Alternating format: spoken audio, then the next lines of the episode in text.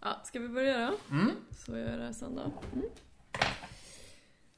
It, uh, it is on. Ja. Har du ditt... On to the break of dawn. Roligt att du är i det läget nu som vi brukar vara i efter en och en halv timme i en bastu liksom.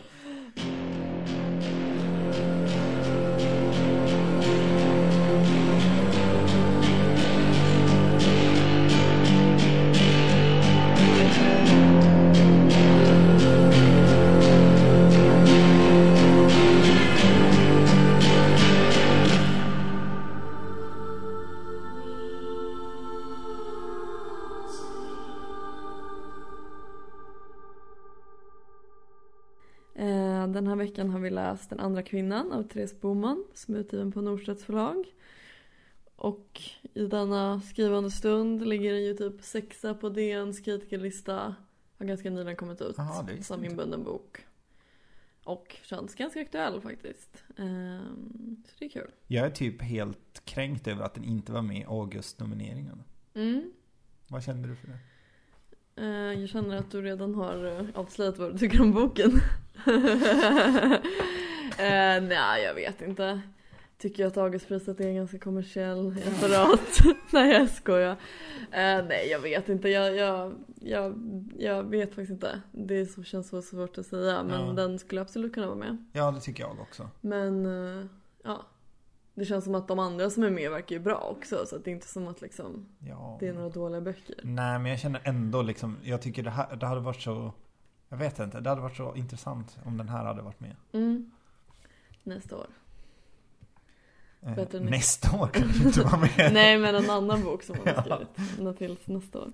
Vi kan ju säga det, vi spelar ju in i Tuvas lägenhet idag. Yay. i Stockholm och ehm, jag är här på besök och igår så var vi och ehm, var eh, lite så här studiebesök i liksom Stockholms kulturcentrum, Mm. Stureplan.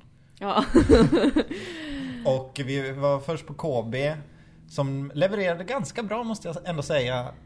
Ett knulligt par i 40-årsåldern som var så jävla sugna på varandra satt bredvid oss. Ja, Och fem rävar av kulturelitig börd. Som satt och delade på typ några flaskor rödvin. Mm. Varav en av dem var med i Babels program om Modiano. Vilket jag ganska fort såg. Och eh, det, det vi snappade upp från deras samtal var att de pratade om döden. Ja. så det var ju lyckat. Ja, så det var bra. Eh, sen gick vi vidare till Rish. Ja.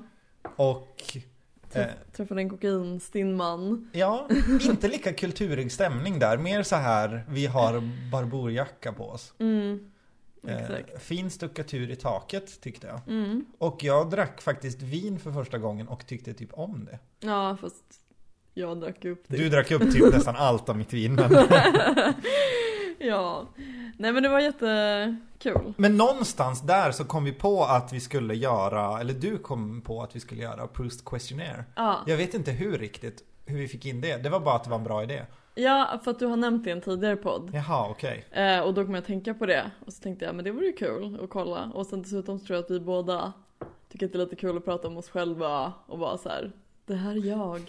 Och så Ja. tänker jag att det kanske också kan vara lite kul för lyssnarna. Inte bara för oss utan lite Nej. kul för er att lära känna oss lite mera Ja, som personer. Jag tänkte att det fanns någon sån här koppling att typ hon, den här personen i, i boken gillar ganska så här klassiska författare, klassiker, men såna här som inte är Mm. liksom eh, det hetaste på kultursidorna utan mer så här. Ja, nej men hon säger ju i boken att hon inte gillar så här nya samtida författare Nej. som kanske många hippa Mm. kulturmänniskor gör utan mer eh, Dostojevskij och Thomas Mann och så. Ja, ja. Och det, Såna här det gör jag också. romanbyggen tycker jag är så härligt Ja. ord när hon använder hur, jaget i berättelsen. För det, det känns ju som att Proust höll på med också. Kan man väl Det säga. det, var- Sju det var ju liksom ett bygge, verkligen. Ja, det är ju ett av de större byggena. ja.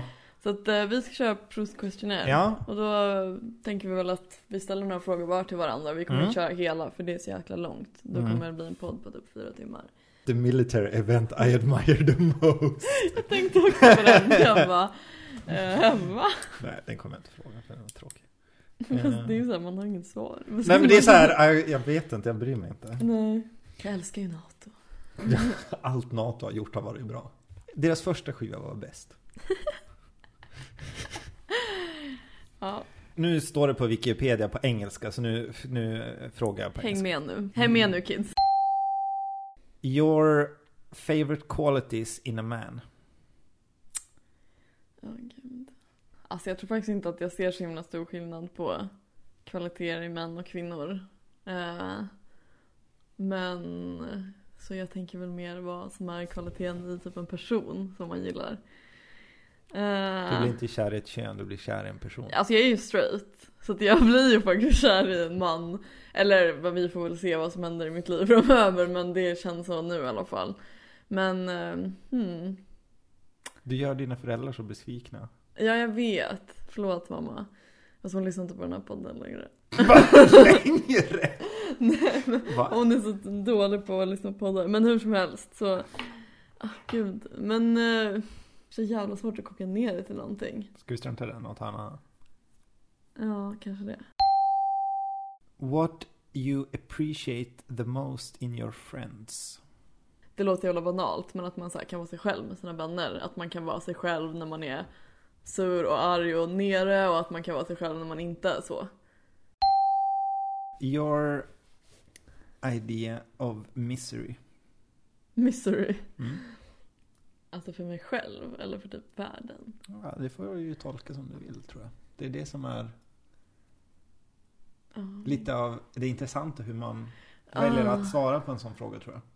Alltså jag tänkte direkt på mig själv. Ja, då säger ju det någonting. Ja. Att du inte tänkte på tredje världen. Nej, jag känner inte att jag har så mycket misery i mitt liv faktiskt. Men det är väl om man skulle typ förlora liksom mycket familj och vänner Mm. och alltså känna sig ganska ensam tänker jag. Att vara, Mm.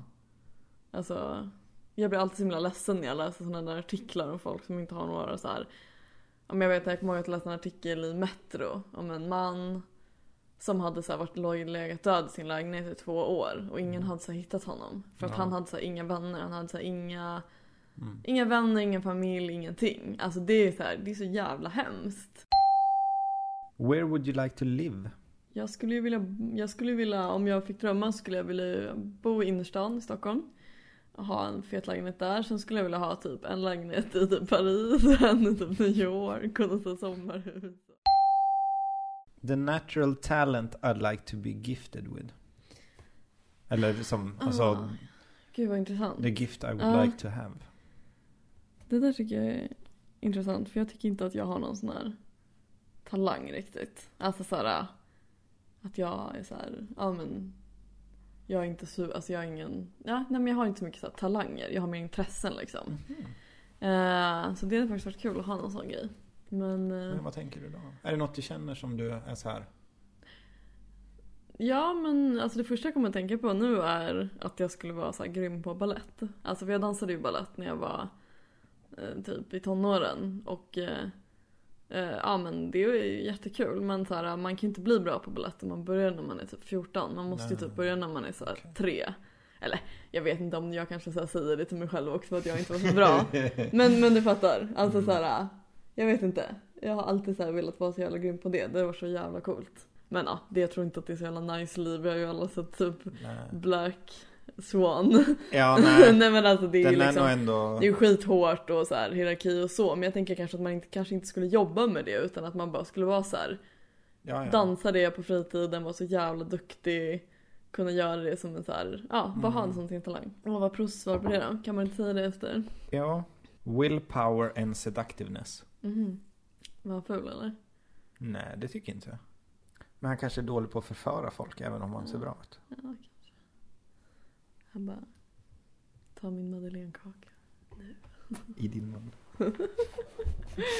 Ja. ja, keep going. How I wish to die. Mm. Oj. Oj, oj, oj. Jag vill inte dö. What is your present state of mind? Mm. Jag vill typ fråga alla de här, det är så Ja. roligt. Nej men jag mår bra och jag känner mig lite rastlös ganska mycket. Det sa jag till dig igår. Jag är verkligen inne i en så här rastlös period där jag bara vill ta livet by the balls. Mm. liksom. Mm. Ja. Literally. Nej jag skojar bara. Eh, ja, nu får jag fråga dig. Eh, your heroes in real life. Typ folk som jobbar med så här djurrätt tror jag. Mm. Faktiskt. Mm. För att det skulle jag vilja själv men typ jag tror inte jag skulle klara av det riktigt. Typ så här rädda minkar och sånt. Ja, inte nödvändigtvis det men som gör något så här. För det är så, det är liksom så här. Det är liksom ingen, det är ingen glory i att hålla på med det liksom. Det är inte så mycket rädda minkar kanske som typ att ta hand om hemlösa hundar och Mm. typ vara veterinär, sådana här grejer. Typ göra saker för djur, för det är så himla så här fint, för man gör det inte för pengar eller liksom för status, det är så fritt från sånt liksom. Men Det vadå? bara en fin- Alla älskar väl en kille som är så här, håller hand om gulliga djur.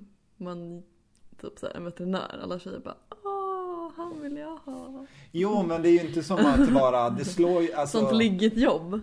Är det det nog? Lite. Ja. Han bryr sig om andra, han bryr sig om djur. Typ som nu när min, min kompis berättade för mig att hon hade hookat upp med en kille som jobbar på hennes homeless shelter. Mm. Och då blir man ju så här, bra kille! Jobbar på ett homeless Ja. shelter. Det är lite liggigt jobb. Okej. Men jag förstår vad du menar, nu Ja. förstörde jag hela din så här fina grej. Ja. Men jag tror inte att folk jobbar som det för att få ligga. Men alltså det känns ju ändå som att det är liksom inte det jobbet med minst liggpotential ändå. Your main fault. Jag vet inte, jag är typ väldigt så här, jag har en så här rättshaveristisk ådra i att typ älta saker. Mhm. Och ha så här långa rants liksom. Det, Typ vadå? det tycker jag är väldigt osympatiskt drag, men jag har det ändå väldigt mycket. Men vadå? Om saker som folk har gjort mot dig eller saker som har hänt i samhället? Allt med, både och tror jag. Har du något exempel? Att jag är väldigt långsint med allt liksom. Ja, Men det kan vara vad som helst. Alltså om jag lyssnar på typ Ring P1 eller kollar på Debatt ja. så blir jag så jävla arg. Men jag tror att delvis är det för att jag typ ser mig själv lite i de här värsta liksom självgoda. Ja. World history characters I hate the most. Den är ganska svår. Mm. Nej men inte nu för att bli så här jätterättshaveristisk rant, rantande. Men typ människor som som framställs av eftervärlden som väldigt så goda personer och Mm. som kanske inte har varit det egentligen. Har du något exempel? Eh, typ så här ehm, Nu när man har sett filmer eller liksom dokumentärer och läst Typ Picasso?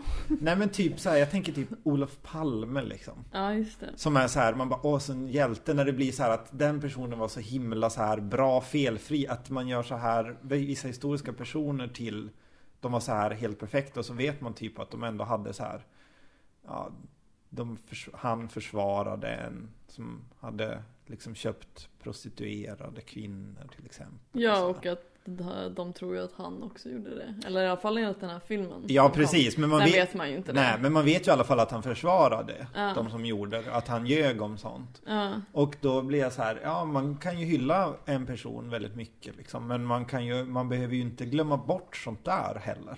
mm. Och det finns massor med sådana exempel, eller typ när man är så här, när det var sån här Barack Obama vurm där ett tag, som att det var så här frälsaren, men han har ju liksom han framställs som att han är typ så här Jesus, men han har ju liksom inte stängt Guantanamo som han lovade Nej, han- liksom. Han vann ju fredspriset. Ja, och han har ändå inte lyckats göra den enda grej han liksom lovade så här att han skulle göra först. kan man ju säga att ingen är god. Alltså ingen är ju perfekt. Jag tror att det är svårt att vara det som en sån ledare. Att inte göra några fel för att har så mycket makt. Nej. Alltså finns det någon som är ett exempel på idel godhet liksom i världshistorien? Okej, men då tar jag min eh, handledare i trean på Bachelor. Sista då, och det är Your favorite prose author. Or authors. Your favorite? Prose authors. Jaha! Ah, Alltså eh, favoritförfattare mm. i prosa-genren. Gud vad svårt det. Varför är det en svår fråga egentligen? Han svarar currently Anatole France och Pierre Loti. Nej men just nu så kände jag faktiskt så här att jag kände en stor liksom pepp på att läsa om Per Hagmans Vänner för livet som jag tycker är så Ja. himla bra. Mm. För jag var igår på ett författarsamtal med honom på Stadsteatern mellan honom och Ingrid Elam. Just det.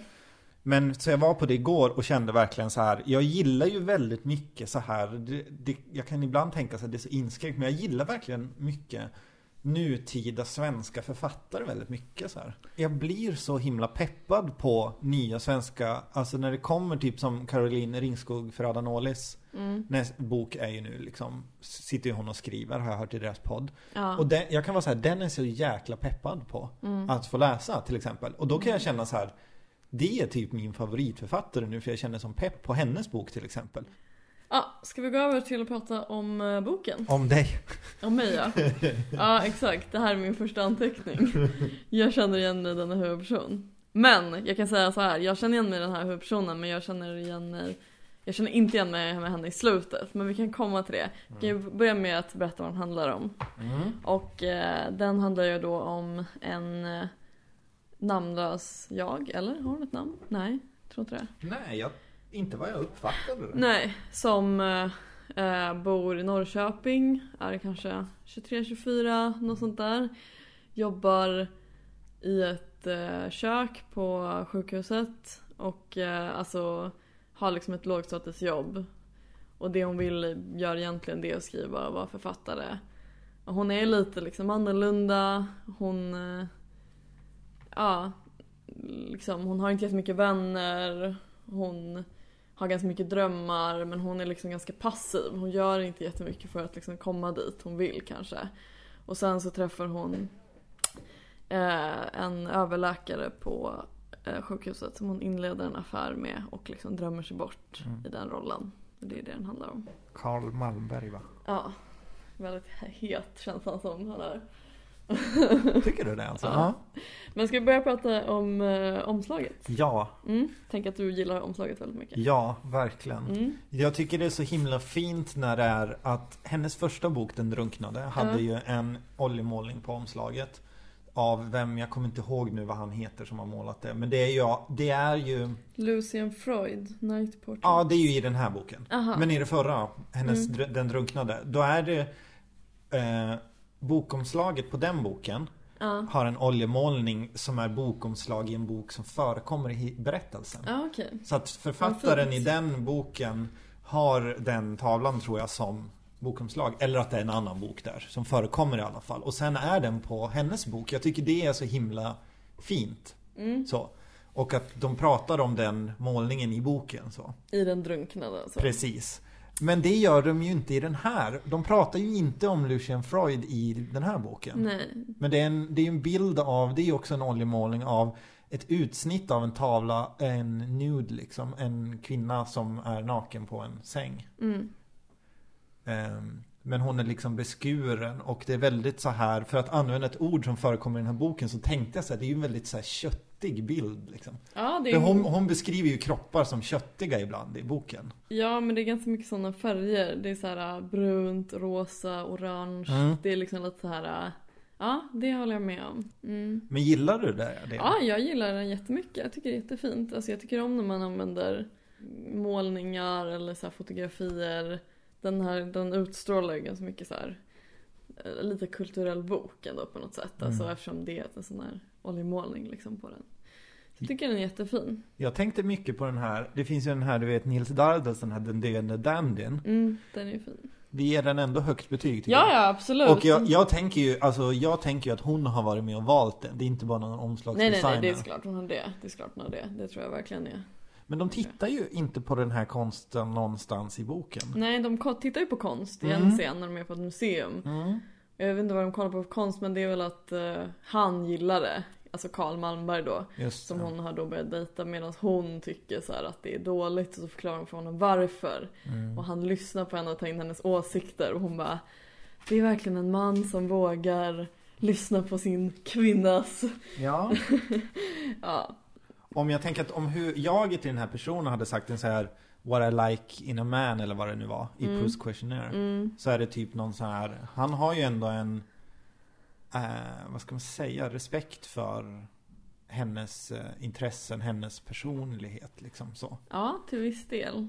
Kan Ja. man väl säga. Inte i alla, alla delar av boken kanske. Nej. Men eh, ja, absolut. De har ju en väldigt speciell relation. När jag började läsa den här så kände jag verkligen att jag kände igen mig i den här personen. Vilket är först, jag tror att det är första gången i podden som man och jag har känt igen mig i någon Mhm. person som Mm. vi har läst om. För att man har inte riktigt kunnat relatera till någon av de andra. Och så här, ja men jag kan ändå känna så här vissa grejer hon säger att jag bara ja gud det här är verkligen. Eh, och alltså mycket av hennes personlighet och hur hon är och så. Alltså hon älskar ju så här skönhet och hon är väldigt så här. Eh, hon pratar mycket om att hon vill vara en så kvinnlig flanör och att hon eh, att hon vill så här, ha vackra kläder på sig, hon vill så här, omge sig med vackra saker, hon vill eh, Ja men så här, och så är jag väldigt mycket och typ så här, jag tycker att hon har en så himla bra scen eller så här, del i den här boken när hon pratar om att hon har gått på en skrivarlinje. Jag, jag ska läsa det här stycket för att jag tycker att det här är så jäkla sant. Bara skönheten kan rädda oss, skrev Dostojevskij. Jag brukar tänka på det på skrivarskolan där det fanns ett, en outtalad misstänksamhet mot allt som var vackert. Från sådant som att inga tjejer på folkhögskolan verkade använda smink till en skräck för vackra formuleringar, vackra scener, vackert språk. Det var det vackra som fick mig att intressera mig för konsten och litteraturen från början. Hade den inte varit vacker hade jag inte velat ha den. Mitt behov av kultur började som underlag för drömmar, idéer om hur livet skulle kunna vara i allra bästa fall. En språngbräda till mot högre höjder. Eh, och det känner jag verkligen Mm. att jag kände igen mig alltså både den här folkhögskolebeskrivningen men också hennes eh, beskrivning av varför man gillar typ kultur. För att man Mm. vill typ så här gå in i den världen, bli en del av den världen, supa in dess skönhet och så här mystik och allting sånt.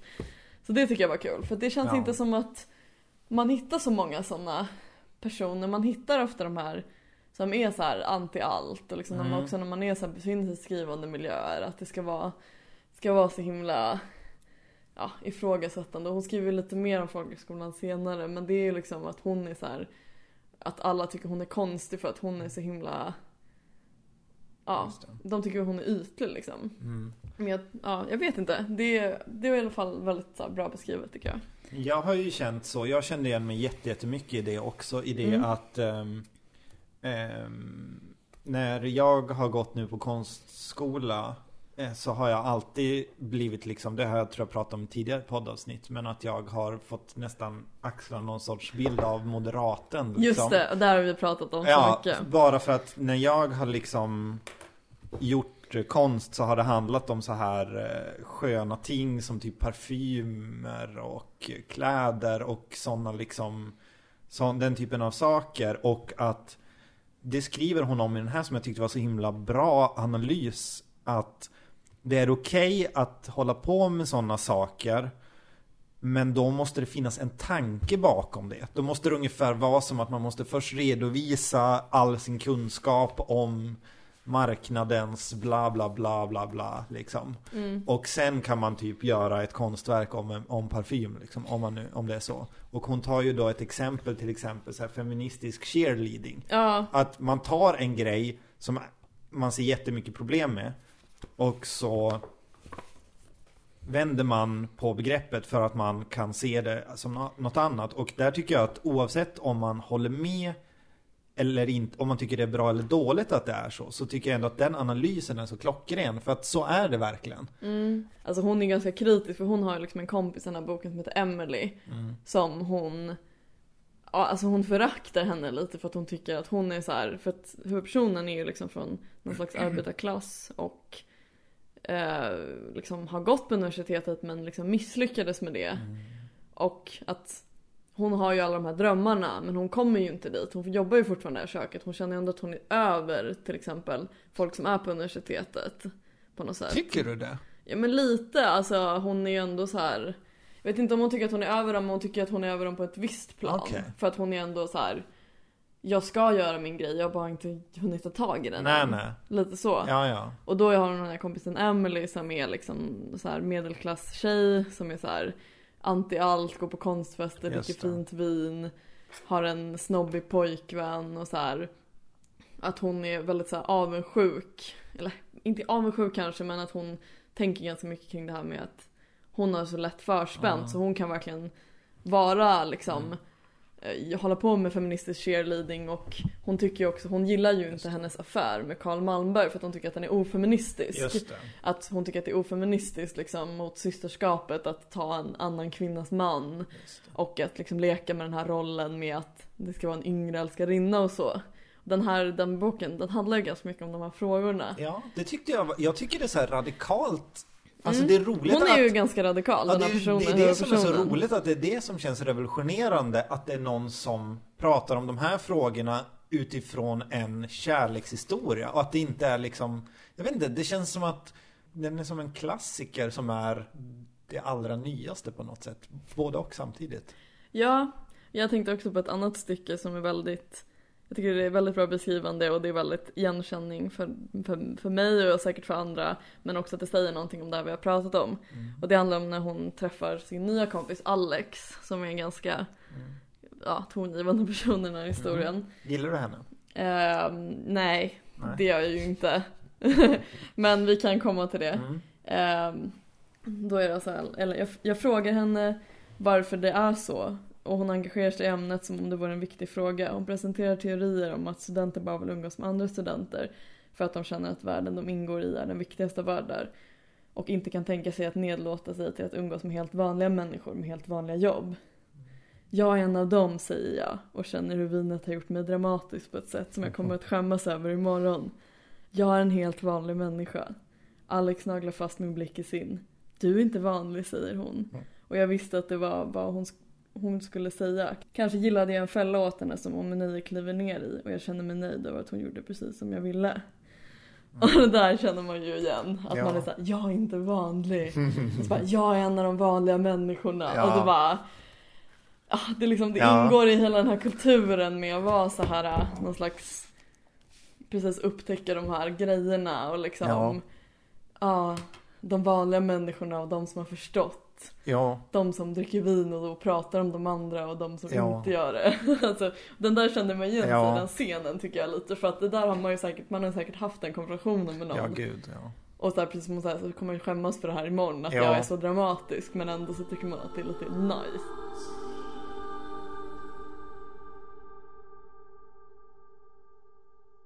Man ska liksom, att man löneförhandlar är liksom, man får tips i alla tidningar varje år när det är så här, nu är avtalsrörelsen igång, nu, så här löneförhandlar du bäst, bla bla bla. Mm. I världen, är- eller i Sverige i alla fall, så är det ju så väldigt mycket att så här här är liksom de tio bästa superdyra grillarna och så vidare. Så att man, Mm. man ska ha någon sorts strävan i samhället att få det bättre. Men inte på individnivå ändå på något sätt. För att det är som att så här Varför kan jag inte få sträva efter att ha den här materiella ehm, välfärden som du har vuxit upp med? Så är det ju lite mellan Emily och det här jaget. Ja. Alltså hon strävar ju efter att få då kanske det som den här Emily har kunnat ta för givet hela livet. Och det är på något sätt då dåligt sådär. Mm. Eh, och att när hon vill vara feminist på det sättet att Ska inte jag få göra vad jag vill? Då tycker ändå Emily där att Som ändå lever i ett jättetraditionellt Heteroförhållande. Heteroförhållanden liksom Sådär Tycker ju på något sätt då att Det är för radikalt då ändå Det är jättekonstigt Men Jag tycker att hon lyfter väldigt mycket frågor som man själv verkligen kan Mm. känna igen sig att man Att man själv, man har en åsikt om vissa Ja. grejer Fast man kanske egentligen Alltså precis att man kan ju tycka att det är fel att eh, Hon liksom blir en yngre älskarinna till en äldre man som är en överläkare och att det blir verkligen den här klassiska eh, beroendeställningen och det och det. Och samtidigt Ja men då den här Emily som har en liksom eh, väldigt så här, vanlig heterosexuell relation, hur varför är hennes bättre? Ja Det är liksom, ja, det, den ställer många frågor som man själv kanske inte riktigt vet vad man Ja. tycker om. Och den är ju inte så dogmatisk att man känner så här att jag, alltså För att Det är ju lätt när det är en bok skriven i jag-form att man tänker så här, det här är författarens åsikt Men hon är ju väldigt bra på att skriva alla motargument som till exempel Emily säger eller någon annan säger Alltså Therese Boman är ju väldigt bra på att skriva dem också. Så man känner ju inte tycker jag när man har läst boken så här. Det här är en författare som tycker detta. Absolut inte. Och det, känns tycker jag är väldigt smart. Man vet alls vad författaren tycker. Eh, och man vet inte riktigt själv vad man tycker heller om hur personerna i den här boken reagerar. Eller jag Mm. vet ju vad jag tycker om Alex beteende kan jag säga. Men de andra kan jag väl ändå känna lite mer att jag vet inte riktigt vad jag tycker om jaget, alltså huvudpersonen. Hon är ju hon är en ganska speciell person liksom. Jag, Och jag, det, ju- ja. det var ju det Therese Boman sa i Babel också, att den här titeln syftar inte bara på Mm. att hon är den andra kvinnan. Den syftar också på att hon är en annan typ av person. Hon är en ganska Mm. annorlunda person på något sätt. Att hon är en annan typ av kvinna. Som kanske inte är som alla kvinnor på något sätt.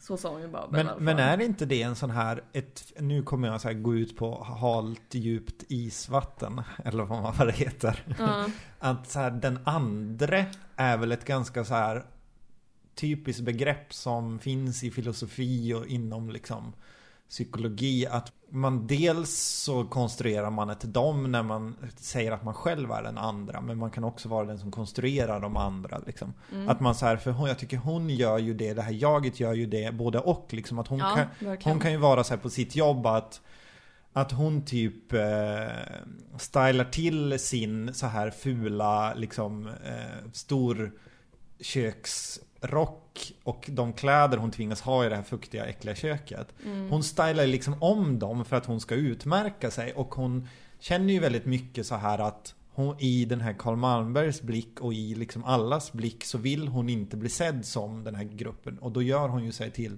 den andra liksom. I, Mm, i, ja. i den meningen att hon är, att hon måste, hon måste liksom för att stå ut i den situationen så måste hon göra sig till en annan. Liksom, Att Mm. hon ska uppfatta sig som en annan. Det egentligen det hon gör är ju att hon liksom ändrar sina kläder. Ja. Men hon Det kan få henne att känna sig som att jag har ett annat liksom liv. Det här är inte mitt liv. Liksom. Eh, och som hon sa då också i det där. Det var ju så bra för det syftar ju också på bara dessutom att bara vara så här mm, den Den andra kvinnan. älskarinnan. Ja, liksom. Så att jag tycker det funkar liksom så himla bra just för att den handlar mycket om så här bygga identitet utifrån massor med saker som hon hon är ju som alla andra rent utifrån Ja. i det hon gör. Att hon Mm. står i storköket och sådär. Att hon går på de här festerna på en liksom student Hon går ju på någon sån här studentnation eller någonting sånt där. ja. Så Men- att hon måste ju hela tiden konstruera sig för att känna så här att jag har, det finns något mer än det här liksom. att sträva efter. Ja, nej, men jag tycker det känns som att den här boken är väldigt så här. äh, Den är väldigt så här lätt på ytan, den är så extremt Mm. lättläst, den är Mm. väldigt så här.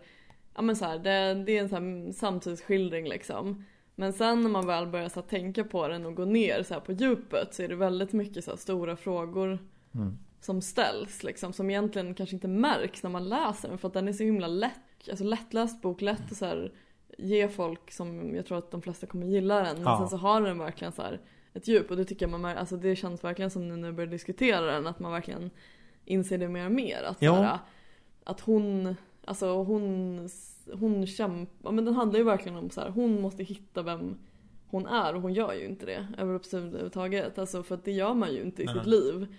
Eh, jag tycker att det är ganska intressant, nu kommer jag att tänka på en helt annan grej men har du läst den här Kanada? Richard Nej jag Ford. har inte gjort det. Väldigt bra bok tycker jag. Johanna det var lite skeptisk mot slutet på den. Tänker precis Aha. komma till det för Mm. att det är lite intressant med den boken för den har ju blivit väldigt hypad och så. Det är ganska många som har läst den. Och jag har pratat en del med så här folk på jobbet om den, alltså kunder och så. Mm. Och det är väldigt många som är väldigt besvikna på den. Mm. För att eh, jag har hört det från jättemånga att så här, men vad då? huvudpersonen lär sig ju ingenting. Han gör ju Ah. ingenting. Alltså jag ska inte avslöja hur den slutar men att det är liksom Det är väldigt många som tycker att liksom de väntar hela boken Mm. igenom på att han ska få en insikt, huvudpersonen, han får inte det i den och det är det som jag tycker gör den väldigt bra. Aha. Och då kommer jag ihåg att jag pratade med en kvinna bara för några dagar sedan på jobbet. Och då sa jag så här, jag förstår vad du menar men är det inte lite så livet är? Att Ja. man kanske inte lär sig av sina misstag, att man kanske man är med om en grej och man vill gärna tro att man gör det men man gör nog inte det så ofta. Och hon bara nej kanske det men det här är ändå en bok. Man vill att det ska, man vill ju att folk ska lära sig för att man själv inte kan lära sig. Man vill det. att en annan person ska kunna vara det goda exemplet. Men det är det Mm. som jag tycker är så bra med den boken. Att författaren inte går den till mötes, än den publiken. Utan bara det här hände och sen hände det här och sen var det slut. Just det. För det är liksom så den, Ja. den jobbar och det tror jag liksom att så är det väl egentligen. Ja, det är ju det mer- som är ja, livet. Den här är ju liksom. mer ett tillstånd att vara i ett tag liksom. Ja. Nej men är inte det en sån här klassisk typ, om man, nu har ju inte jag läst eh, liksom litteraturvetenskap och så, men inte det i dramatiken ganska så här typ, eh, vad heter han, Aristoteles? Nej? Ja, skitsamma. Är inte det en sån här gammal grekisk sanning att typ alla dramer är uppbyggda efter så här, vad vill huvudpersonen? Och sen är liksom storyn är hur den försöker få det. Mm. Ja men så är det väl. Ja, och att det och i liksom... den här historien är det ju ett annat liv. Ja, Och Karl Malmberg som är vägen till det livet. Eller, ja, ja det kan man ju se Du tänker så ändå? Det Ja. tänkte inte jag alls, nu blir jag så chockad. Vad tänkte du då? Men tänker du på att det är för att han ger stoff till att skriva, eller? Nej nej men jag tänker att så här, hon vill ju liksom, hon vill ju inte, alltså hon säger ju hela tiden så här, jag vill inte bo i den här fula stan, jag vill inte ha mitt dåliga jobb. Nej. Eh, men hon gör ju inte så mycket liksom själv för att ta sig ur det. Alltså hon söker ju ingen universitetskurs, hon flyttar Nej. inte därifrån. Liksom så. Och då tänker jag liksom att Alltså hon längtar efter ett helt annat liv, det är ju självklart liksom i den här boken. Men hon får ju en glimt av det genom att hon är med honom, att hon ser hans fina lägenhet, att hon Ja, ser hans lyckade liv. Att hans liv blir någon slags spegel för hur hon vill leva. Mm. Men hon kan inte komma dit liksom på egen hand utan hon måste ha honom. Alltså han är ju liksom väldigt mycket en del av hennes fantasi. Han är ju inte så himla mycket, Nej, nej, så sett, okej. ja, att ja. han är lite vägen dit. Hon drömmer ju om att, de, att han ska lämna sin fru och att de ska bli tillsammans. Och det fattar ju alla som läser den här boken att det inte kommer hända. Mm. Men hon fattar ju inte det. Och hennes vänner fattar det. Hon fattar inte det. Ah, För jag, att hon ser honom som den vägen liksom. för jag tänkte mer att det var så här att hon När hon är nu på den plats hon är. Så försöker hon liksom eh, Leva på det sättet i den benämningen att hon vill utsätta sig för livets olika situationer Ja, Där det det kan upp, uppstå saker som kan göra henne till en författare liksom. Jo men det vill hon ju också men hon vill ju ändå inte ha det livet hon har nu. Nej nej, men jag tänker att det är inte så mycket Karl Malmberg, det hade lika gärna kunnat vara något annat. Jo absolut Ja, ja. men det blir ju ändå han Ja som ja, väljer. okej. Mm. Alltså hon tar ju ändå inga andra vägar Nej. liksom, utan hon tar ju den vägen på Ja. något sätt. Finns ju någon sån här klipp som jag såg i, Gud, jag, vad är det hon heter som har skrivit Kärleken i Julia Anderssons liv? Eh, Åsa Moberg. Ja, att det finns ett sånt klipp där jag tror att det är hon som får en väldigt bra så här ehm, eh, beröm för sin en bok av Horace Engdahl i ett tv-program. Aha. Och hon börjar gråta. Som Mhm. är ett sånt här liksom som jag tror jag har sett i Babel någon gång också sådär. Aha. Och för att det är det här och det hörde jag att, jag tror hon var med i det också i en intervju problematisera lite det där att man vill ha det här berömmet Men man vill ändå inte liksom vara beroende av att få någon annans godkännande liksom Nej. Som är på en hög nivå, alltså man behöver, man vill ju inte vara en sån som Oj, jag strävar efter godkännande från någon annan som är på något sätt högre upp i en hierarki Nej. Men att det ändå kan vara att man känner så starkt när man väl får det Tror du inte att alla känner så? Jo, men jag tänker att alla, alla liksom eh, Jag tycker att den här boken handlar en del om det. Att det är en liksom utbildad person Ja. som på något sätt godkänner henne, hon som Och står i köket. smak, ja, alltså. hennes smak, hennes kunskap, hennes liksom sätt att tänka eh, i en värld där liksom människor där hon inte har det liksom i sitt liv. Mm. Alltså att hon fantiserar vid något tillfälle om att han ska komma in i hennes lägenhet. Se att hon har så här Thomas Manns en fin utgåva av hans Bergtagen. Det där kan man ju känna igen sig. Och, ja, och att då är det ju inte bara så här att Då är det ju verkligen att någon ska ha sett att den här smaken är Det är ju ett sorts godkännande eller uppskattning eller vad man ska kalla det. Godkännande låter ju så himla hårt. Men alltså du förstår vad jag menar? Ja, att ja. man så här Jag är sedd som den jag är nu skulle man kunna säga. Av någon. Och Ja, ja. Det tror jag att... eh, Och den fantasin är ju liksom nästan starkast i hennes förhållande tänker jag. Ja, men det känns ju som, det där kan man ju verkligen känna igen sig i. Alltså, Mm. Som att, som när man jo- jobbade på posten. Och att man liksom, man vill inte vara en så här äcklig person som inte så vill stå för att man jobbar på posten. För det är inget fel med att jobba på Nej, posten. nej. Men man vill vara så att det är inte jag. Alltså, Mm. jag tycker det är jättejobbigt att inte ha en occupation eller sådana där grejer som man inte känner är sig själv. Alltså, Mm. jag är väldigt mycket så. Jag vill att så här, min klädsel ska representera mig, mitt hem ska representera mig, det jag gör ska representera mig. Mm. Jag tycker det är jättejobbigt när det inte gör så. Och det, det där är också så dubbelt. Alltså det är så många sådana frågor som Ja, hela den här boken ja. tar upp. Som man börjar så här fundera över på sig själv. Alltså som jag sa, Ja. att jag känner igen mig i den här huvudpersonen till viss del. Känner du dig igen? Du känner också igen dig i den här Ja, jätte, huvudpersonen. jättemycket. Men, Men, inte snälla riktigt på samma att du grej. inte känner igen dig i slutet. För där är det ju verkligen, ja. Jag vet inte. Jag, jag, jag vet inte hur mycket vi ska spoila det riktigt. Alltså, vi kan väl, vi kan väl säga så här att, alltså hon har får ju en ny vän. Och det är en tjej som heter Alex då, hon den här som Mm. hon pratade med som jag läste upp förut. Hon, man kan väl säga så här, hon vill hämnas på Karl Malmberg. Liksom. Ja, hon vill hämnas på Karl Malmberg och hon använder huvudpersonen för att göra det. Mm. Alltså det går ju verkligen överstyr i slutet och man känner lite att vad fan håller du på med till huvudpersonen? Ja. Jag tycker det känns lite orealistiskt faktiskt måste jag säga. För att det känns väldigt så Känns lite som att hon vill ju hämnas på Karl, liksom Malmberg. Jag tycker att eh, författaren hade kunnat förankra det lite mer i boken innan det här händer. För att det känns lite som att hon har sina skäl att ogilla honom men hon har fan inte så stora skäl att göra en så sjuk grej som hon gör i slutet, tycker jag. Jag känner inte att jag Mm. blir förankrad i det som läsare riktigt. Nej, alltså jag tänkte ett tag att det skulle utmynna i att För att det finns någon, och nu är det verkligen så här bara vad jag har läst in i det Att han, Karl Malmberg säger vid något tillfälle till jag, huvudpersonen, jaget i den här Mm. Att när de har sex så säger han någonting så här, är du min lilla flicka och Ja, så vidare kan, vi måste prata om det här sen för att det känns som Ja. att det är en väldigt intressant eh, grej. Och sen så i den här scenen så har det också att göra med typ barn och sexualitet Ja, Och jag tänker liksom att det kanske vi inte får veta riktigt om den här Alex Men att det är ju inte, det är ju ändå Det, det är ju inte helt orimligt att det hintas lite mot något sånt, att det är något sånt som ligger bakom gud, tänk, så tänkte jag Förstår du vad jag menar? Ja, fast det tycker jag låter lite långsökt. Det finns ju nästan inga implikationer på det. Menar du att han har typ begått ett övergrepp mot Alex? Ja, vem vet? Ja, men då är det ju, det är ju ingen sån riktigt...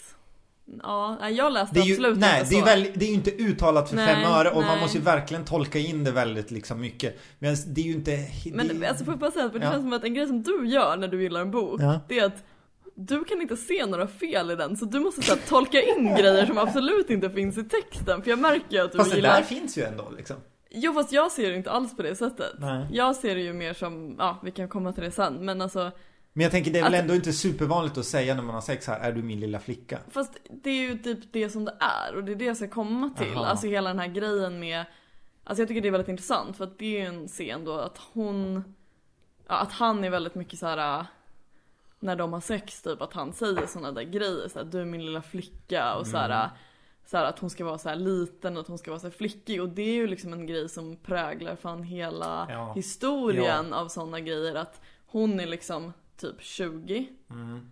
han är 50 typ och Mm. Alltså hela, liksom hela den här grejen med, alltså liksom all porr genomsyras ju av den här estetiken på något sätt. Mhm. Att liksom kvinnan är undergiven, hon är den lilla flickan och liksom jag tycker att det är bra att hon tar upp det här. För att man får en väldigt så här, dålig smak i munnen på något sätt när den här scenen händer. Mm. Och samtidigt så är det ju så här. Det är väl okej att tända på Ja, det. Det är ju ja. ingen så här, någon slags, man kan ju inte lägga in en värdering i det. För samtidigt kan man ju göra det eftersom det aldrig nästan är åt andra hållet. Nej. Det är ju väldigt sällan att en man är en liten pojke Nej. och att en kvinna, alltså det händer ju knappt. Jag vet att du inte kollar på How I Met Your Mother men det finns ett avsnitt om det i How I Met Your Mother där Barney ska, som är liksom karaktärens Don Juan typ, ta på sig som en challenge Mm. att han ska ragga upp en tjej like acting like a little boy. Eh, alltså för att liksom en tjej kan, Ja. all, kan alltid vara en liten, en liten flicka prata med bebisröst och det anses som sexigt medan det känns nästan så perverst att en kille gör det. Mm. Eh, det. och det är ju alltså, det är så himla intressant tycker jag för att det ligger ju så himla mycket bakom det liksom sexualhistoria och liksom könsroller och bla bla Mm. bla. Och ja, man, så här, att man är så här, kan man döma honom för det eller får Ja. man bara se det som så här, en sexuell fantasi är någonting som är oberoende av vem man är. Ja. Och därför tycker jag inte alls att man kan läsa in någonting med Alex med det. För jag ser Nej, okej. inte det som att det är någonting Nej. med henne. Jag ser det som att det är liksom en historia av Ja men man och kvinnors sexuella relationer liksom. Vad intressant.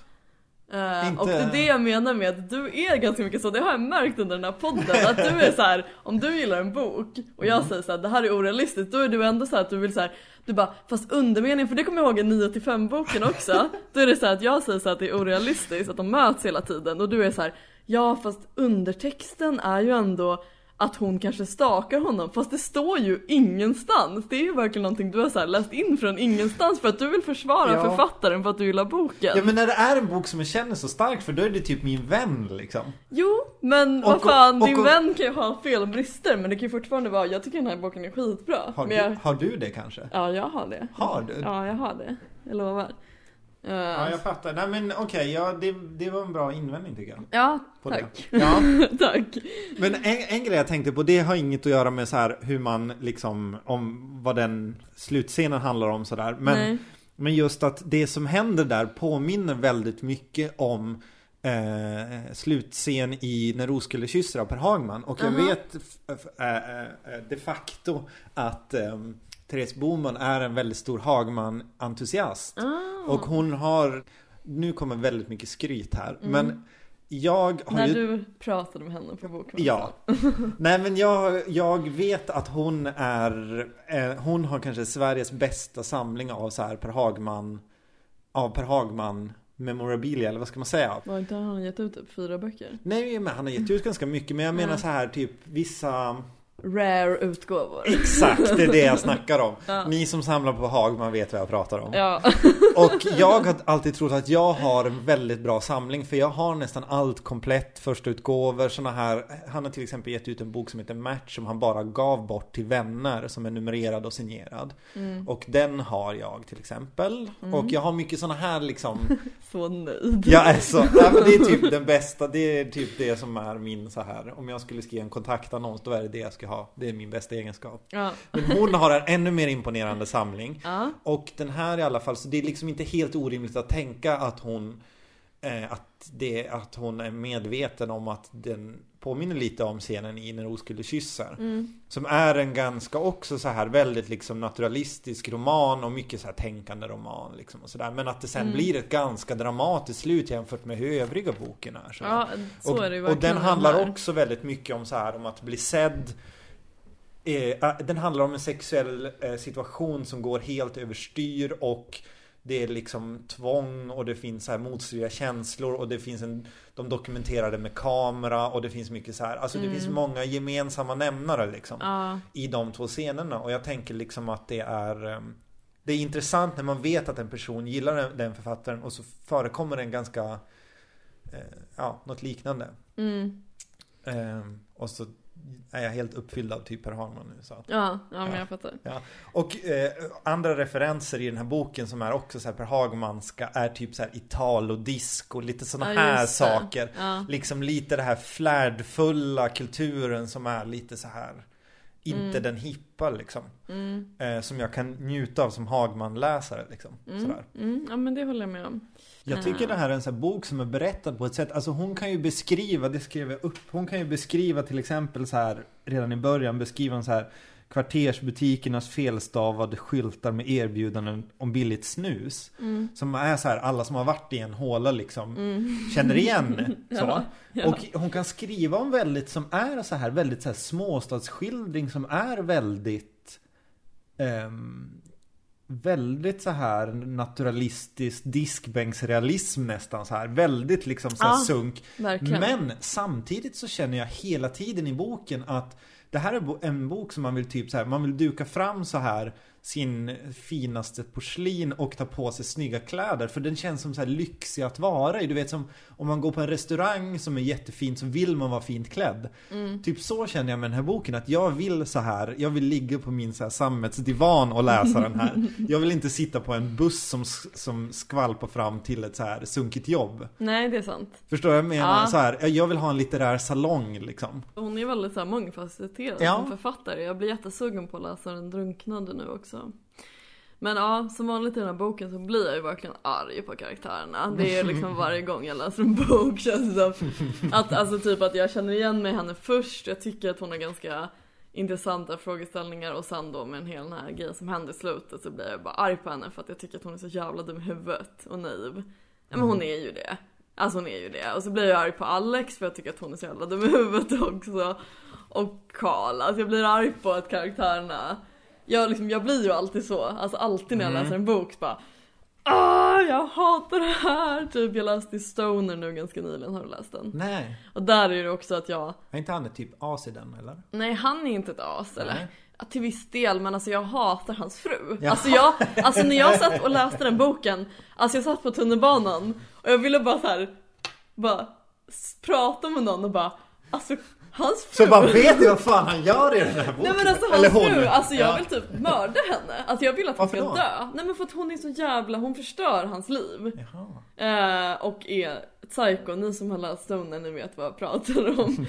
och så här, alltså jag kan verkligen gå in och gå in för att hata karaktärer Ja. i böcker och att jag verkligen jag blir irriterad när karaktärerna inte gör som jag vill. Men alltså jag förstår ju, det är en bok. Du är, lite, göra du är lite så. som när man kollar skräckfilm när man sitter Ja, så här. Men gud. gå inte Ja, in ja, ja. dit! Är och verkligen- du är typ som med såna här. Så här. Fast jag är så med allt sånt. Alltså jag kan, Ja. när jag kollar på skräckfilm så är jag verkligen så, jag sitter och skriker till, till den här tonårstjejen. Men du är så även i typ en sån här utvecklingsroman. Liksom. Ja ja, alltså jag bara Vad i helvete, sluta ring honom! Ja. Ehm, jag vill väl eh, att, ja, jag vet inte. Det är intressant just för att man är så här, men vad fan. Det är ju det man, gör, man gillar med böcker, om de skulle Mm. göra som man ville så blir det ju inte så. Men det är ändå så här, bara, ah, gud kan du bara bete dig Nej. lite? Bete dig, det är fan mitt, min standardfras när jag läser och ser Och- film. Hennes två vänner, Emily, Mm. är ju en sån som kan de rätta. Hon är ju den här, vad är det hon kallar det för? Kvinnotribunalen. Mm. Kallar hon väl det för någonting så här. Att man har de här dömande liksom. Ja. Som är liksom väldigt så här rättrådiga, de kan rätt, de, de gör rätt och sådär. ja, hon vet ju inte riktigt hur hon ska bete sig. Nej, exakt. Och sen så har du den här Alex som är helt fri liksom Ja. från fördomar och det är det Ja. som gör att, den, att jaget dras till henne därför att hon vet att hon kan säga vad som helst, hon kommer inte bli utdömd, hon kommer inte bli ne- sedd ner på för vad hon gör liksom. Men att det blir ändå då på något sätt som att den här Alex, det finns ett pris med att vara så lite grann, verkar det ju som. Att det finns ett pris i att vara sådär liksom uptight och rättrådig som Emily är och det finns ett pris för att vara så här helt fri som kanske ballar ur liksom. Mm. Ehm, Men jag tror att det där min konservatism kommer in som vi pratade om tidigare idag. Mm. Vi pratade om att Alltså att vi kanske båda är vänster men att man kan vara Att vi är så konservativa i så här moralfrågor. Det är inte, mor- nej inte moral! nej, inte moralfrågor. Nej inte moralfrågor men typ så här Stilfrågor. Ja men typ såhär livsstil. Ja. Alltså typ att såhär, jag kan verkligen vara, alltså det, alltså det finns typ ingenting jag stör mig på så mycket hos människor som folk som inte kan bete sig. Nej. Alltså som inte typ så här f- f- förstår sociala koder. Nej, och det är ju precis. kanske väldigt så här hemskt av mig att vara så. Mm. Eftersom alla gör ju inte det. Men så här sådana så här, typ när man umgås i ett gäng och sån enkel sak, eller man umgås två personer och den andra inte ställer några frågor tillbaka. Ja. Alltså det kan få mig att bli så arg. Ja. Alltså det är liksom en av de grejer som får mig att bli mest upprörd. Ja. Alltså att jag kan liksom, jag vill skriva en Ja. insändare om att folk måste bli mer uppmärksamma på andra. Mm. Och att så här, det, alltså, och det är liksom men alltså folk är så jävla dåliga på det. Jag förstår Ja. det inte. Alltså hur folk kan vara så. Det kan ju vara att man själv har varit så här utomlands i tre månader. Träffar man på någon. Bara, hur är det med dig? Ja, själv har jag gjort det här lalla. Man bara, hur fan kan du inte fråga Mm. mig om det här? Det är så jävla, alltså det är så jävla respektlöst att Ja. jag blir, ja. Jag tyckte en bra symbol för det i den här boken som återkommer två gånger är när hon går på fest och hon blir ståendes i köket och öppnar sin egen vinflaska. Att man, det är det här att man blir lämnad ensam i en situ- social situation. Att det är så Det har här, man ju varit med om. Ja, och jag blir så, jag, det är typ anledningen till att jag inte går på fester, för jag kan inte det. Jag är så här, kan vi inte bara ha så här en liksom eh, småborgerlig uppförandekod? Att man kan presentera varann för varann och man kan säga hej och småprata lite för folk att känna sig inbjud, Exakt. inbjudan. Vad säger man? ja, man kan vara det- lite inbjudande. Nej men det är det det handlar om. Jag tycker inte att det handlar om att man själv ska få så här framhärda sig själv. Nej, Det handlar om nej. så här, att man ska visa respekt för andra människor. Mm. Att man ska visa så här, även om man inte bryr sig om en annan person så ska Mm. man fan låtsas att man gör Ja. det. Att då ska man vara så här trevlig, man ska säga hej. Man ska fråga hur den mår och man kanske ska fråga lite om den så att den känner sig Mm. Ja. uppskattad. Inkluderande i både stora och små sociala Exakt. sammanhang. Och så här, liksom. Ja men bara liksom bara bete sig. Det handlar om alla situationer. Ja. Mm. Och det är verkligen så många som inte kan det. Och jag förstår inte varför. För det är så jävla lätt. Alltså, Ja, det är ju bara att vara lite jävla normal. ja. Hörni. Nej men alltså det här Fast är våra verkligen... lyssnare är ju så. Ja, och jag vet att ni är det. Men om ni inte är det så får ni jättegärna tänka en extra gång. För att jag tror att de flesta uppskattar det extremt mycket. Men det är ju jobbigt när man är en sån person som, som värderar det. Jag och så värderar det kommer, extremt ja, Och högt. så kommer man in i ett sammanhang där folk inte värderar det. För då är det så lätt att tänka så här att det är ett statement mot mig att de nu inte, att jag blir stående här med vinflaskan. Det är för att de de tycker inte om mig eller Mm. de, de ser ner på mig eller något. Men det är bara för att de har inte det. De värderar inte det. Nej, jag att, vet. och jag tänker att den här huvudpersonen i boken Ja. hon känner ju så extremt så här. Hon känner ju typ att att hon kan typ eh, besudla ett sammanhang med sin H, sina billiga hm kläder när hon går typ på vernissage eller whatever. Mm. Att hon kan vara så här att jag är inte bra nog för det här eller jag är liksom inte nog. Hon känner ju åt, väldigt mycket åt det hållet istället. Ja, Med såna här kanske klassmarkörer eller vad man ska säga då. ja. Men ja. Men vad skulle du säga att du tillhör för klass?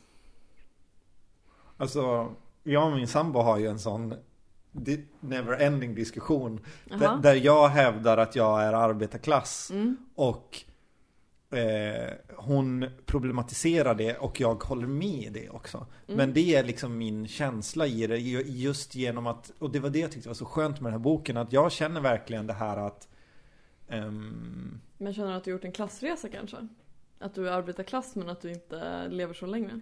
Nej, för att jag har börjat tänka på det och det blir ju så här, det här blir ju verkligen så här universitets eh, navelskådande. Men jag känner väldigt mycket att klasstillhörighet också är ett så här state of mind. Mm, Att jag tror känner att jag har inte tillgång till saker på grund av att jag är, kommer från arbetarklass. Sen kan man säga så här, ja men vi hade en viss materiell standard och så vidare och så vidare. Men jag kommer ihåg när jag gick på lågstadiet så var, var jag väldigt så här ehm, eh, jag var typ den enda som åt med så kniv och gaffel och hade fått lära mig säga så här ja tack och sitta rakt i ryggen och så här. Mm. Hemifrån för mina föräldrar värderade det. Mm. Men det var ju verkligen så här eh, skrattretande att vara så som barn liksom. Mm. För att värdesystemet är inte liksom Det är väl ingenting. Eller typ att läsa böcker, det är ju liksom dåligt. Det, det är inte värt något i den miljön liksom. Nej, och det, precis. det bär jag med mig i det att liksom jag typ ser ju ner på min egen liksom, utbildning och vad jag gör liksom för Mm. att jag känner att Men alltså jag ser den grejen liksom. Att, eh, att man värderar andra saker, att vissa saker är självklara som inte är självklara för Mm. mig och att man också Alltså kanske inte vågar typ så här, tro på sig själv så mycket. mm, Man vågar inte så drömma så mycket. Man är Men inte ska väl jag. Alltså det är väldigt den liksom. Och jag är ju, jag skulle väl säga att jag är medelklass. Alltså mina föräldrar är ju inte rika liksom men de är ju eh, Håller ju på med kultur båda två. Mm. Och är liksom Men väldigt så här politiska. Jag har ju växt upp med liksom Ja men eh, Mycket så här, alltså finkultur liksom i Mm. båda mina föräldrars hem. Speciellt hos pappa liksom. Han är ju jazzmusiker, gått på musikhögskolan. eh, liksom spelar i en extremt liten genre som ingen lyssnar på, samlar på konst. Mm. Alltså eh, så liksom. Eh, och vi har aldrig liksom haft, alltså vi har aldrig åkt på husvagnssemester, vi har liksom aldrig gjort sådana grejer, vi har ju aldrig lyssnat Nej. på Ja men som vi pratade om i förra avsnittet, vi har aldrig lyssnat på liksom svensk toppmusik, alltså jag har aldrig ätit bearnaisesås hemma, sådana grejer. Nej. Men mina föräldrar har ju aldrig så här tjänat mycket pengar, vi har aldrig Nej. varit rika. Nej. Men alltså Ja, jag har ju alltid fått höra från mina liksom. föräldrar att jag liksom kan göra vad jag vill och jag har alltid varit väldigt duktig i skolan, Ja. jag har alltid haft höga betyg, alltid varit väldigt driftig. Ja. Alltså så här, saker som jag har velat har hänt mig, typ. Mm. Och det tror jag handlar om att jag har verkligen så här ett självförtroende, jag känner det, jag har bra självförtroende. Jag känner, alltså visst jag, jag har ju så här bra självförtroende men jag har så här duktig flicka mentalitet. Det, ja. Som många av mina vänner också har. Att så här, jag liksom kan bli så jävla lätt stressad, jag vill göra så många saker samtidigt. Mm. Jag känner liksom mig otillräcklig om jag inte får liksom bästa betyg och sådana där grejer. Eller så här, att jag inte känner att jag, om jag kommer för sent till jobbet, känner jag att jag är dålig och sådär. Ja. Men det är mycket så här prestation liksom. Ja. Men inte men jag kan ändå vara så här: nej det här kommer lösa sig, jag kommer få det här. Typ våga saker också. Ja, Jag tycker så här att bara ha klassbegrepp som vissa är så här, eh, som vissa kan förenkla ibland att det är så här mängd pengar. Mm, jag absolut tänk- inte. Nej, men jag Absolut tänker mycket att det är inte. så här relation till pengar. Mm. Som har att göra med det och inte mängden därför Ja. att jag känner ju, jag kan ju vara så här typ att Nej, nu slutar jag eh, eh, liksom Nu får jag lägga det här med min konst åt sidan för jag måste ha ett jobb. Ja, Så jag har råd att liksom ja, Självförverkligande kommer alltid i andra hand. ja, Försörjning kommer i första. Sen om jag lider mig igenom Ja. det så är det, det det är det jag kommer välja för det är det jag kommer värdera. ja, ja liksom. exakt. Och sen får man typ avprogrammera sig sakta men säkert. Men Ja men så, så är liksom de jag också känner som, som är arbetarklass medans Mm. nu när jag liksom skulle få, alltså blev jag erbjuden en fast tjänst för Pokershop så var jag ändå så här. Nej jag vet inte om jag kan ha den, jag måste ändå vara så här Mm. fri. Ja. Alltså min pappa är ju liksom, ja, musiker som sagt och min mamma jobbar ju som grafisk formgivare fast hon har faktiskt ingen utbildning. Hon har ju aldrig gått på universitetet så hon är liksom självlärd. Men hon har ju ändå så här på något sätt hon är ju lite såhär self-made. Hon kommer också från en familj där alla är professorer. Alla i våran släkt, Ah. hans mamma är professorer. Hon är liksom den enda som inte har typ har pluggat på universitetet. Eh, så där kommer det ju också någonstans Mm. ifrån, något så här självförtroende Ja, verkligen. tänker jag. Att liksom min morbror är, är historiker, min, alltså typ alla i, den, i mammas släkt är det. Alltså verkligen, Mm. ja typ alla. Alltså verkligen. Men för jag tänker att i den här boken så är ju Är ju på exakt samma sätt som för mig Ja, Högskoleutbildningen vägen ut mm, ur sin klass. ja. Och det tänker jag inte att det är så mycket är för dig till exempel. Att det är så här att jag kan inte bli något om jag inte har högskoleutbildning. Eller? Är det så för dig också? Jo, fast så känner jag nog ganska mycket. Jag känner ändå att det är ganska viktigt Ja. att plugga. Men jag har ju varit väldigt mycket så här. mina föräldrar har ju verkligen uppmuntrat mig att flumma. Vilket Ja, är ja, precis. någonting som inte de flesta föräldrar gör. Att så här, Ja men att så här, jag har gått på Folkis i två år, det var ju mina föräldrar som tyckte jag skulle göra det. Ja. Att jag skulle gå på skrivarlinjen för att det var så bra för mig. Och sen typ, jag har bott utomlands och liksom gjort såna här grejer som, Mm. Som inte kanske Alltså att det kommer leda någonstans. Min pappa brukar alltid säga så här att alla mina erfarenheter kommer leda någonstans i Just längre det. sikt. Men sen nu när jag började plugga nu Mm. så har de varit väldigt, för då har de varit lite såhär ändå att de bara Ja ah, men så här, ska du börja plugga nu typ? Och jag bara ja ah, men jag ska göra det. De bara men vad tänker du så här? Men absolut inte Ja, ja. mycket. Men lite så här.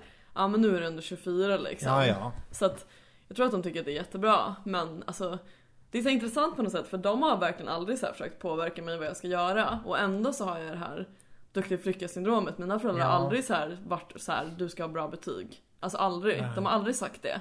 Men jag har ju ändå känt det från någonstans att jag Ja ska men ha jag menar det. det finns ju andra strukturer än Ja. föräldrarna också som Jo, men går in och absolut. trumfar liksom. Absolut men Man säger ju som sagt duktig flicka, man säger inte duktig människa. Alltså det finns ju inte det begreppet. Nej, men det ju, alltså, killar jag- har ju inte det i samma utsträckning. jag har så många kompisar som har verkligen det. För jag har ganska många Mm. kompisar som har lite samma bakgrund som mig. Mm. Och jag tror att det är väldigt många som de har ett ganska bra självförtroende Mm. men många har så här ångestproblematik och sådana där Mm. grejer och så alla pluggar så här på en hög nivå.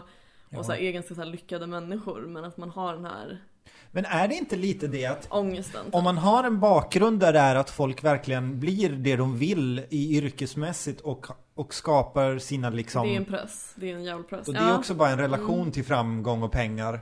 Mera, Ja, mer än mängden. För du kommer... För att jag ju väldigt mycket såhär, jag pluggar ju humaniora så jag ju väldigt mycket såhär Jag ser ju inte framför mig att jag blir rik men Nej. däremot ser jag ju att jag har ett jobb jag vill ha. Ja, exakt. Ett, ett jobb som jag, Och det är ju en måttstock att nå upp till som är jävligt Ja. svår också. jag vet, det är ju det. Det är ju där den press är och det där känner man ju att man måste vara bäst i klassen för att Mm. det är tufft att plugga humaniora och sådär. Mm. Fast mode är ju lite annorlunda för att det är så nytt ämne och så. Jo, men Och ändå. att, Det är men, ändå men ett sånt... ändå. Alltså pluggar jag liksom humaniora för att jag förväntas göra det. Jag hade ju Mm. varit min pappa brukar ju alltid säga så här: om du kommer hem med en ekonom så blir du utesluten från familjen. Just det. För att det är så himla långt ifrån eh, vår familj att Ja. jag skulle börja plugga ekonomi. Ja, att du skulle göra ett val för Ja. att du ska kunna köpa en fin bil. Ja, att jag skulle bara ha mig som mål i livet att köpa en fin bil, Mm. gå på Handels, flytta till Östermalm. Jag tror Mm. att mina föräldrar skulle tycka att jag Men hur mår du egentligen? Är det ett kul jobb? Ja, alltså, ja, har du roligt? Har du ett bra liv? Ja precis, är det verkligen, det finns ju inte något värde i att ha en bil tycker de liksom. Utan Nej, de tycker ju att det finns precis. ett värde i att må bra. Ja nej men jag tycker verkligen att ni ska läsa den här boken för att den är väldigt Den är väldigt bra och den är också som jag sa, att den är liksom, det är ingen tung Thomas Mann-bok. Ja. Det är inget romanbygge, det är verkligen en, en lättläst bok på 200 sidor Mm. men den har väldigt mycket Ja, under ytan liksom. Man kan läsa den nu, den är ju väldigt höstig bok liksom. Mm, ja, det är en väldigt faktiskt. så här höstig bok och den är väldigt så här man kan känna sig, för mig är ju liksom när man har pluggat länge, jag är ju sån som har en kalender som går efter terminsåren och inte efter Alltså jag har fortfarande det Ja. Så jag har precis köpt ny kalender och man kan känna verkligen så här Lite den här vemodet, vad ska jag göra med mitt liv? Vissa har ju den på nyår Vissa har den liksom nu på hösten Mm. Ja det där är ju alltid intressant för den frågan kommer ju alltid upp förr eller senare under Ja. året. Ja, jo men den är det och där tänker jag att man är olika liksom Det kanske skulle vara den så här Det är den nya klassmarkören Har du en, en kalender För det första har du överhuvudtaget en kalender Har du inte det så är man ju liksom Då har man ju ett liv som är väldigt så här Mm. 9 till 5 liksom, 8 till 5 Ja, Men de som har kalender ja. är en sån här klassmarkör Om du har den från så här höst, termi- efter terminer eller om du har den efter bara Jag har den efter År. år bara. Du har det? Mm, jag har Ja. ju en, Men du är på väg inte en Moleskin men en, uh, ja men något annat Mm. fint märke, inte Filofax alltså. eh. Men tänkte du mycket på det så här, Du ändå så här Du pluggar ju modevetenskap nu Ja. Och också mycket så här att man problematiserar ting mycket Ja. Och utifrån kanske väldigt mycket kläder då Vilket är ett så här röd tråd genom hela den här boken så här, vad saker betyder Mm. Men tänkte du mycket på liksom hur hon använder sig av det i den här? Ja men att hon får de här underkläderna och så av, Mm. av Karl och sen så har hon en röd klänning på sig och sådana där grejer. Ja, jag tänkte väl inte specifikt på det men jag tänker väl att liksom hon är ju en person som bygger upp sin identitet med sin klä, sina kläder precis som jag är och precis Mm. som du är. Eh, Men alla är ju inte, alltså jag tror att alla är så, om, alltså alla är så omedvetet. Men, men jag är ju någon person som verkligen tänker aktivt på det. Mm. Alltså hur jag vill, hur jag vill framstå med det jag har på mig. Eh, Men tyckte du den var bra ur det? För det är ju inte alla romaner som tar med De kan kanske ta med Ja, han hade en Adidas tröja så är det inte mer med det utan Här är det Jag tyckte i alla fall att det kändes som att det Hon har skrivit en väl Att det spelar en väldigt liksom Men det spelar en Det är en stor medveten strategi liksom Ja men absolut, det är många sådana eh, grejer i boken om att typ han, hon får pengar av honom att köpa en fin klänning när hon ska Mm. gå på vernissage och då köper hon typ som jag uppfattar någon slags Filippa K klänning, Mm. svart så här. Och det där kan man ju, ja men och sen att hon kände sig så här billig skriver hon ju, eller Just säger det. hon ju i sina liksom att hon är så här, hon är billig liksom i sina kläder. Hon Ja. beskriver inte riktigt vad det är för kläder. Nej. Men att hon liksom, hon, kan, hon är för mycket, hon kanske har för mycket läppstift eller hon har för mycket urringning eller Ja. vad det nu kan vara och så. Och det tycker jag, ja, det, det spelar jättestor roll. Eh, och det är ju liksom det som är intressant med att läsa modevetenskap för att det, det, det spelar ju stor roll. Alltså Mm. kläder säger så otroligt mycket om en person. Eller snarare att samhället liksom gör att det blir en viktig grej. Alltså vi har ju läst nu om att det kan ses som ett språk, alltså som ett lingvistiskt språk, hur man klär sig. Mm. Och liksom att, eh, ja, Saussure heter han väl, eller Saussure, han som är liksom uppfinnaren av lingvistiken, har pratat om det. Mm. Och sen har liksom andra spunnit vidare på hela den grejen med att, att man kan se kläder som ett teckenspråk. Att man sänder ut olika signaler, vilket samhället liksom accepterar att ja, nu kallar vi det här trädet träd. Mm. Och då är det liksom det som är symbolen för det. Och nu kallar vi de här kläderna det. Och det ändras ju hela tiden under olika tider och så. Det har vår kurs som vi har läst nu handlat om och det har varit skitintressant. Mm. Alltså, och det är ju liksom så vi funkar. Men eh, jag har en eh, fråga till dig Marcus. Jaså? Som jag inte riktigt vet heller hur jag ska besvara själv. För att jag tyckte inte jag hittade några bra. Men eh, vilken litterär person vill du ligga med? Och vilken vill du bli ihop med? Alltså, Oj, och då menar du att det är olika personer? ja det tänker jag. Ja, fast jag är en sån som typ blir kär i folk, typ. Vem blir du kär Vilka är du kär i? Ehm, Jag kan ju säga så här. Eh, vem jag, alltså vem jag kanske inte så här, egentligen, jag, jag står inte för att jag vill ligga med den här personen. Men jag tror att det skulle kunna hända om vi hade mötts. Och det Jaha. är Jack i Ulf Lundells bok. jag tror att jag hade typ bara, vilken jävla tönt. Och sen hade jag ändå bara, Men det är ju det som är att jag är så himla så här. Jag är typ skadad av att ha, ha typ suttit och lyssnat på Bellen Sebastian hela min uppväxt. ja, att jag du tänker är verkligen det. Jag tänker att det är så här, jag kan inte riktigt se framför mig hur jag skulle ha sex med någon som jag typ tycker är en tönt. Men han är väl inte en tönt, men ja, du fattar. Nej men jag skulle vara så här typ att för mig skulle det vara liksom. Men alltså förut var jag väldigt mycket om det var väldigt skadade personer i böcker som har så här jättestora problem. Och de vill bli ihop med. De vill jag bli ihop med Ja. liksom. Det är Eh, inte så bra. det har jag inte, det känner jag inte så mycket mer. Nej, fast Eh, den här huvudpersonen har ju lite problem. Jo men inte på det sättet. Nej. Jag tänker typ folk som är så här nära att kastas ut för ättestupan Ja, vilken ja. sekund som helst Ja. och kanske gör det också och sen överlever och så Yes. ska ja. jag ta hand om dem. Liksom. det är typ det. Men, Mm, mm. men det har jag lite kommit ifrån. Emo for life. Ja men jag tror liksom i allmänhet för mig, alltså med ligga med, det är många sådana där douchebags som jag har sett i litteraturen till exempel Viktor Schantz i Ja. ja. Alltings början. Eller, ehm, ja inte kanske han Hugo i ja, egenmäktsförfarande för han är typ gammal, men du Ja. fattar. Eh, Ja. Lite sådana karaktärer. Och det är ju ingenting jag ska stå för. Det är sådana personer man träffar på ute som Ja. är sköna att hänga med några dagar. Typ Jack. Alltså han är ju ändå ganska rolig. Han är ju ändå liksom en person man vill festa med. Men han är ju inte typ en nice, bra person. Nej. Han är ju liksom Ulf Lundell. Han känns ju väldigt Som- opraktisk med när man ska så sitta och ha gemensam ekonomi liksom.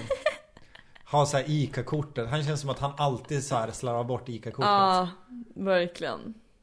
Men en person som är ganska bra är ju ändå Obinse i Americana. Som jag läste Oj, jag har ju inte läst den ännu. Ja, eh, han är så en bra person ändå. På, sen har han väl också sina fel och brister. Men Ah. han skulle jag nog kunna vara tillsammans med. Har du något mer att säga om boken? Nej, jag vet inte. Har du det? Ehm, eh, nej men jag kan tänka en sak till om boken, att den har ju ändå ganska mycket humor. Alltså det Ja, känns ju ändå som verkligen. att Therese Boman har ganska kul åt när hon skriver. Jag tror inte det är så mycket så här att man bara det och det citatet så mycket. Men det är väldigt så här typ Studentstaden Norrköping var en kysk miljö. Och Ja. jag tycker sånt där är så himla roligt att, att hon liksom skriver det på det sättet. Och jag tror att jag skulle i alla fall, om jag hade skrivit det så skulle jag typ ha fnissat åt mig själv och bara fan vad det där var bra liksom. Vad rolig jag är typ. Mm. Att man väljer det och skriver, att man får ihop liksom det här småstads med det här liksom. Ja. Ja, jag tänkte också på en annan grej när hon inleder någonting med Karl liksom. Och så skriver eh, de här boken Han är dessutom en bra person. En genuint bra man. Det är något ärligt över hela hans väsen. Precis som jag tänkte första gången jag lade märke till hans skratt. Eh, och jag bara tycker det är så jävla kul att hon också så lägger in det som något litet såhär oj då. Ja. Bara, han är dessutom en bra person. Man bara, eh, ja, kan ju vara bra. Sekundärt. Och typ vara med en person som är det. Alltså Ja, såhär, ja. att det är liksom Det är på plussidan. Ja men exakt, att det är liksom så himla, det är ganska roligt för att jag kan också typ känna igen mig i det på Ja. något sätt att man bara Men gud, han är också så här en bra person! Och så Ja. bara blir det så vart det så här. Nej, jo jag har en lite rolig grej. Eh, Jag har ju en kompis från Norrköping som jag gav den här boken till. Då har hon strykit under, för jag har ju strykit under lite så här grejer i, i boken. Mm. Men då såg jag att hon hade strykit under en grej i boken. Men nu är det inte Hollywood, det är Norrköping. Och så har hon skrivit 'Story of my life' Det tycker jag var så himla, det kan typ avsluta den här podden, det var så himla roligt Ja. eh, skrivet.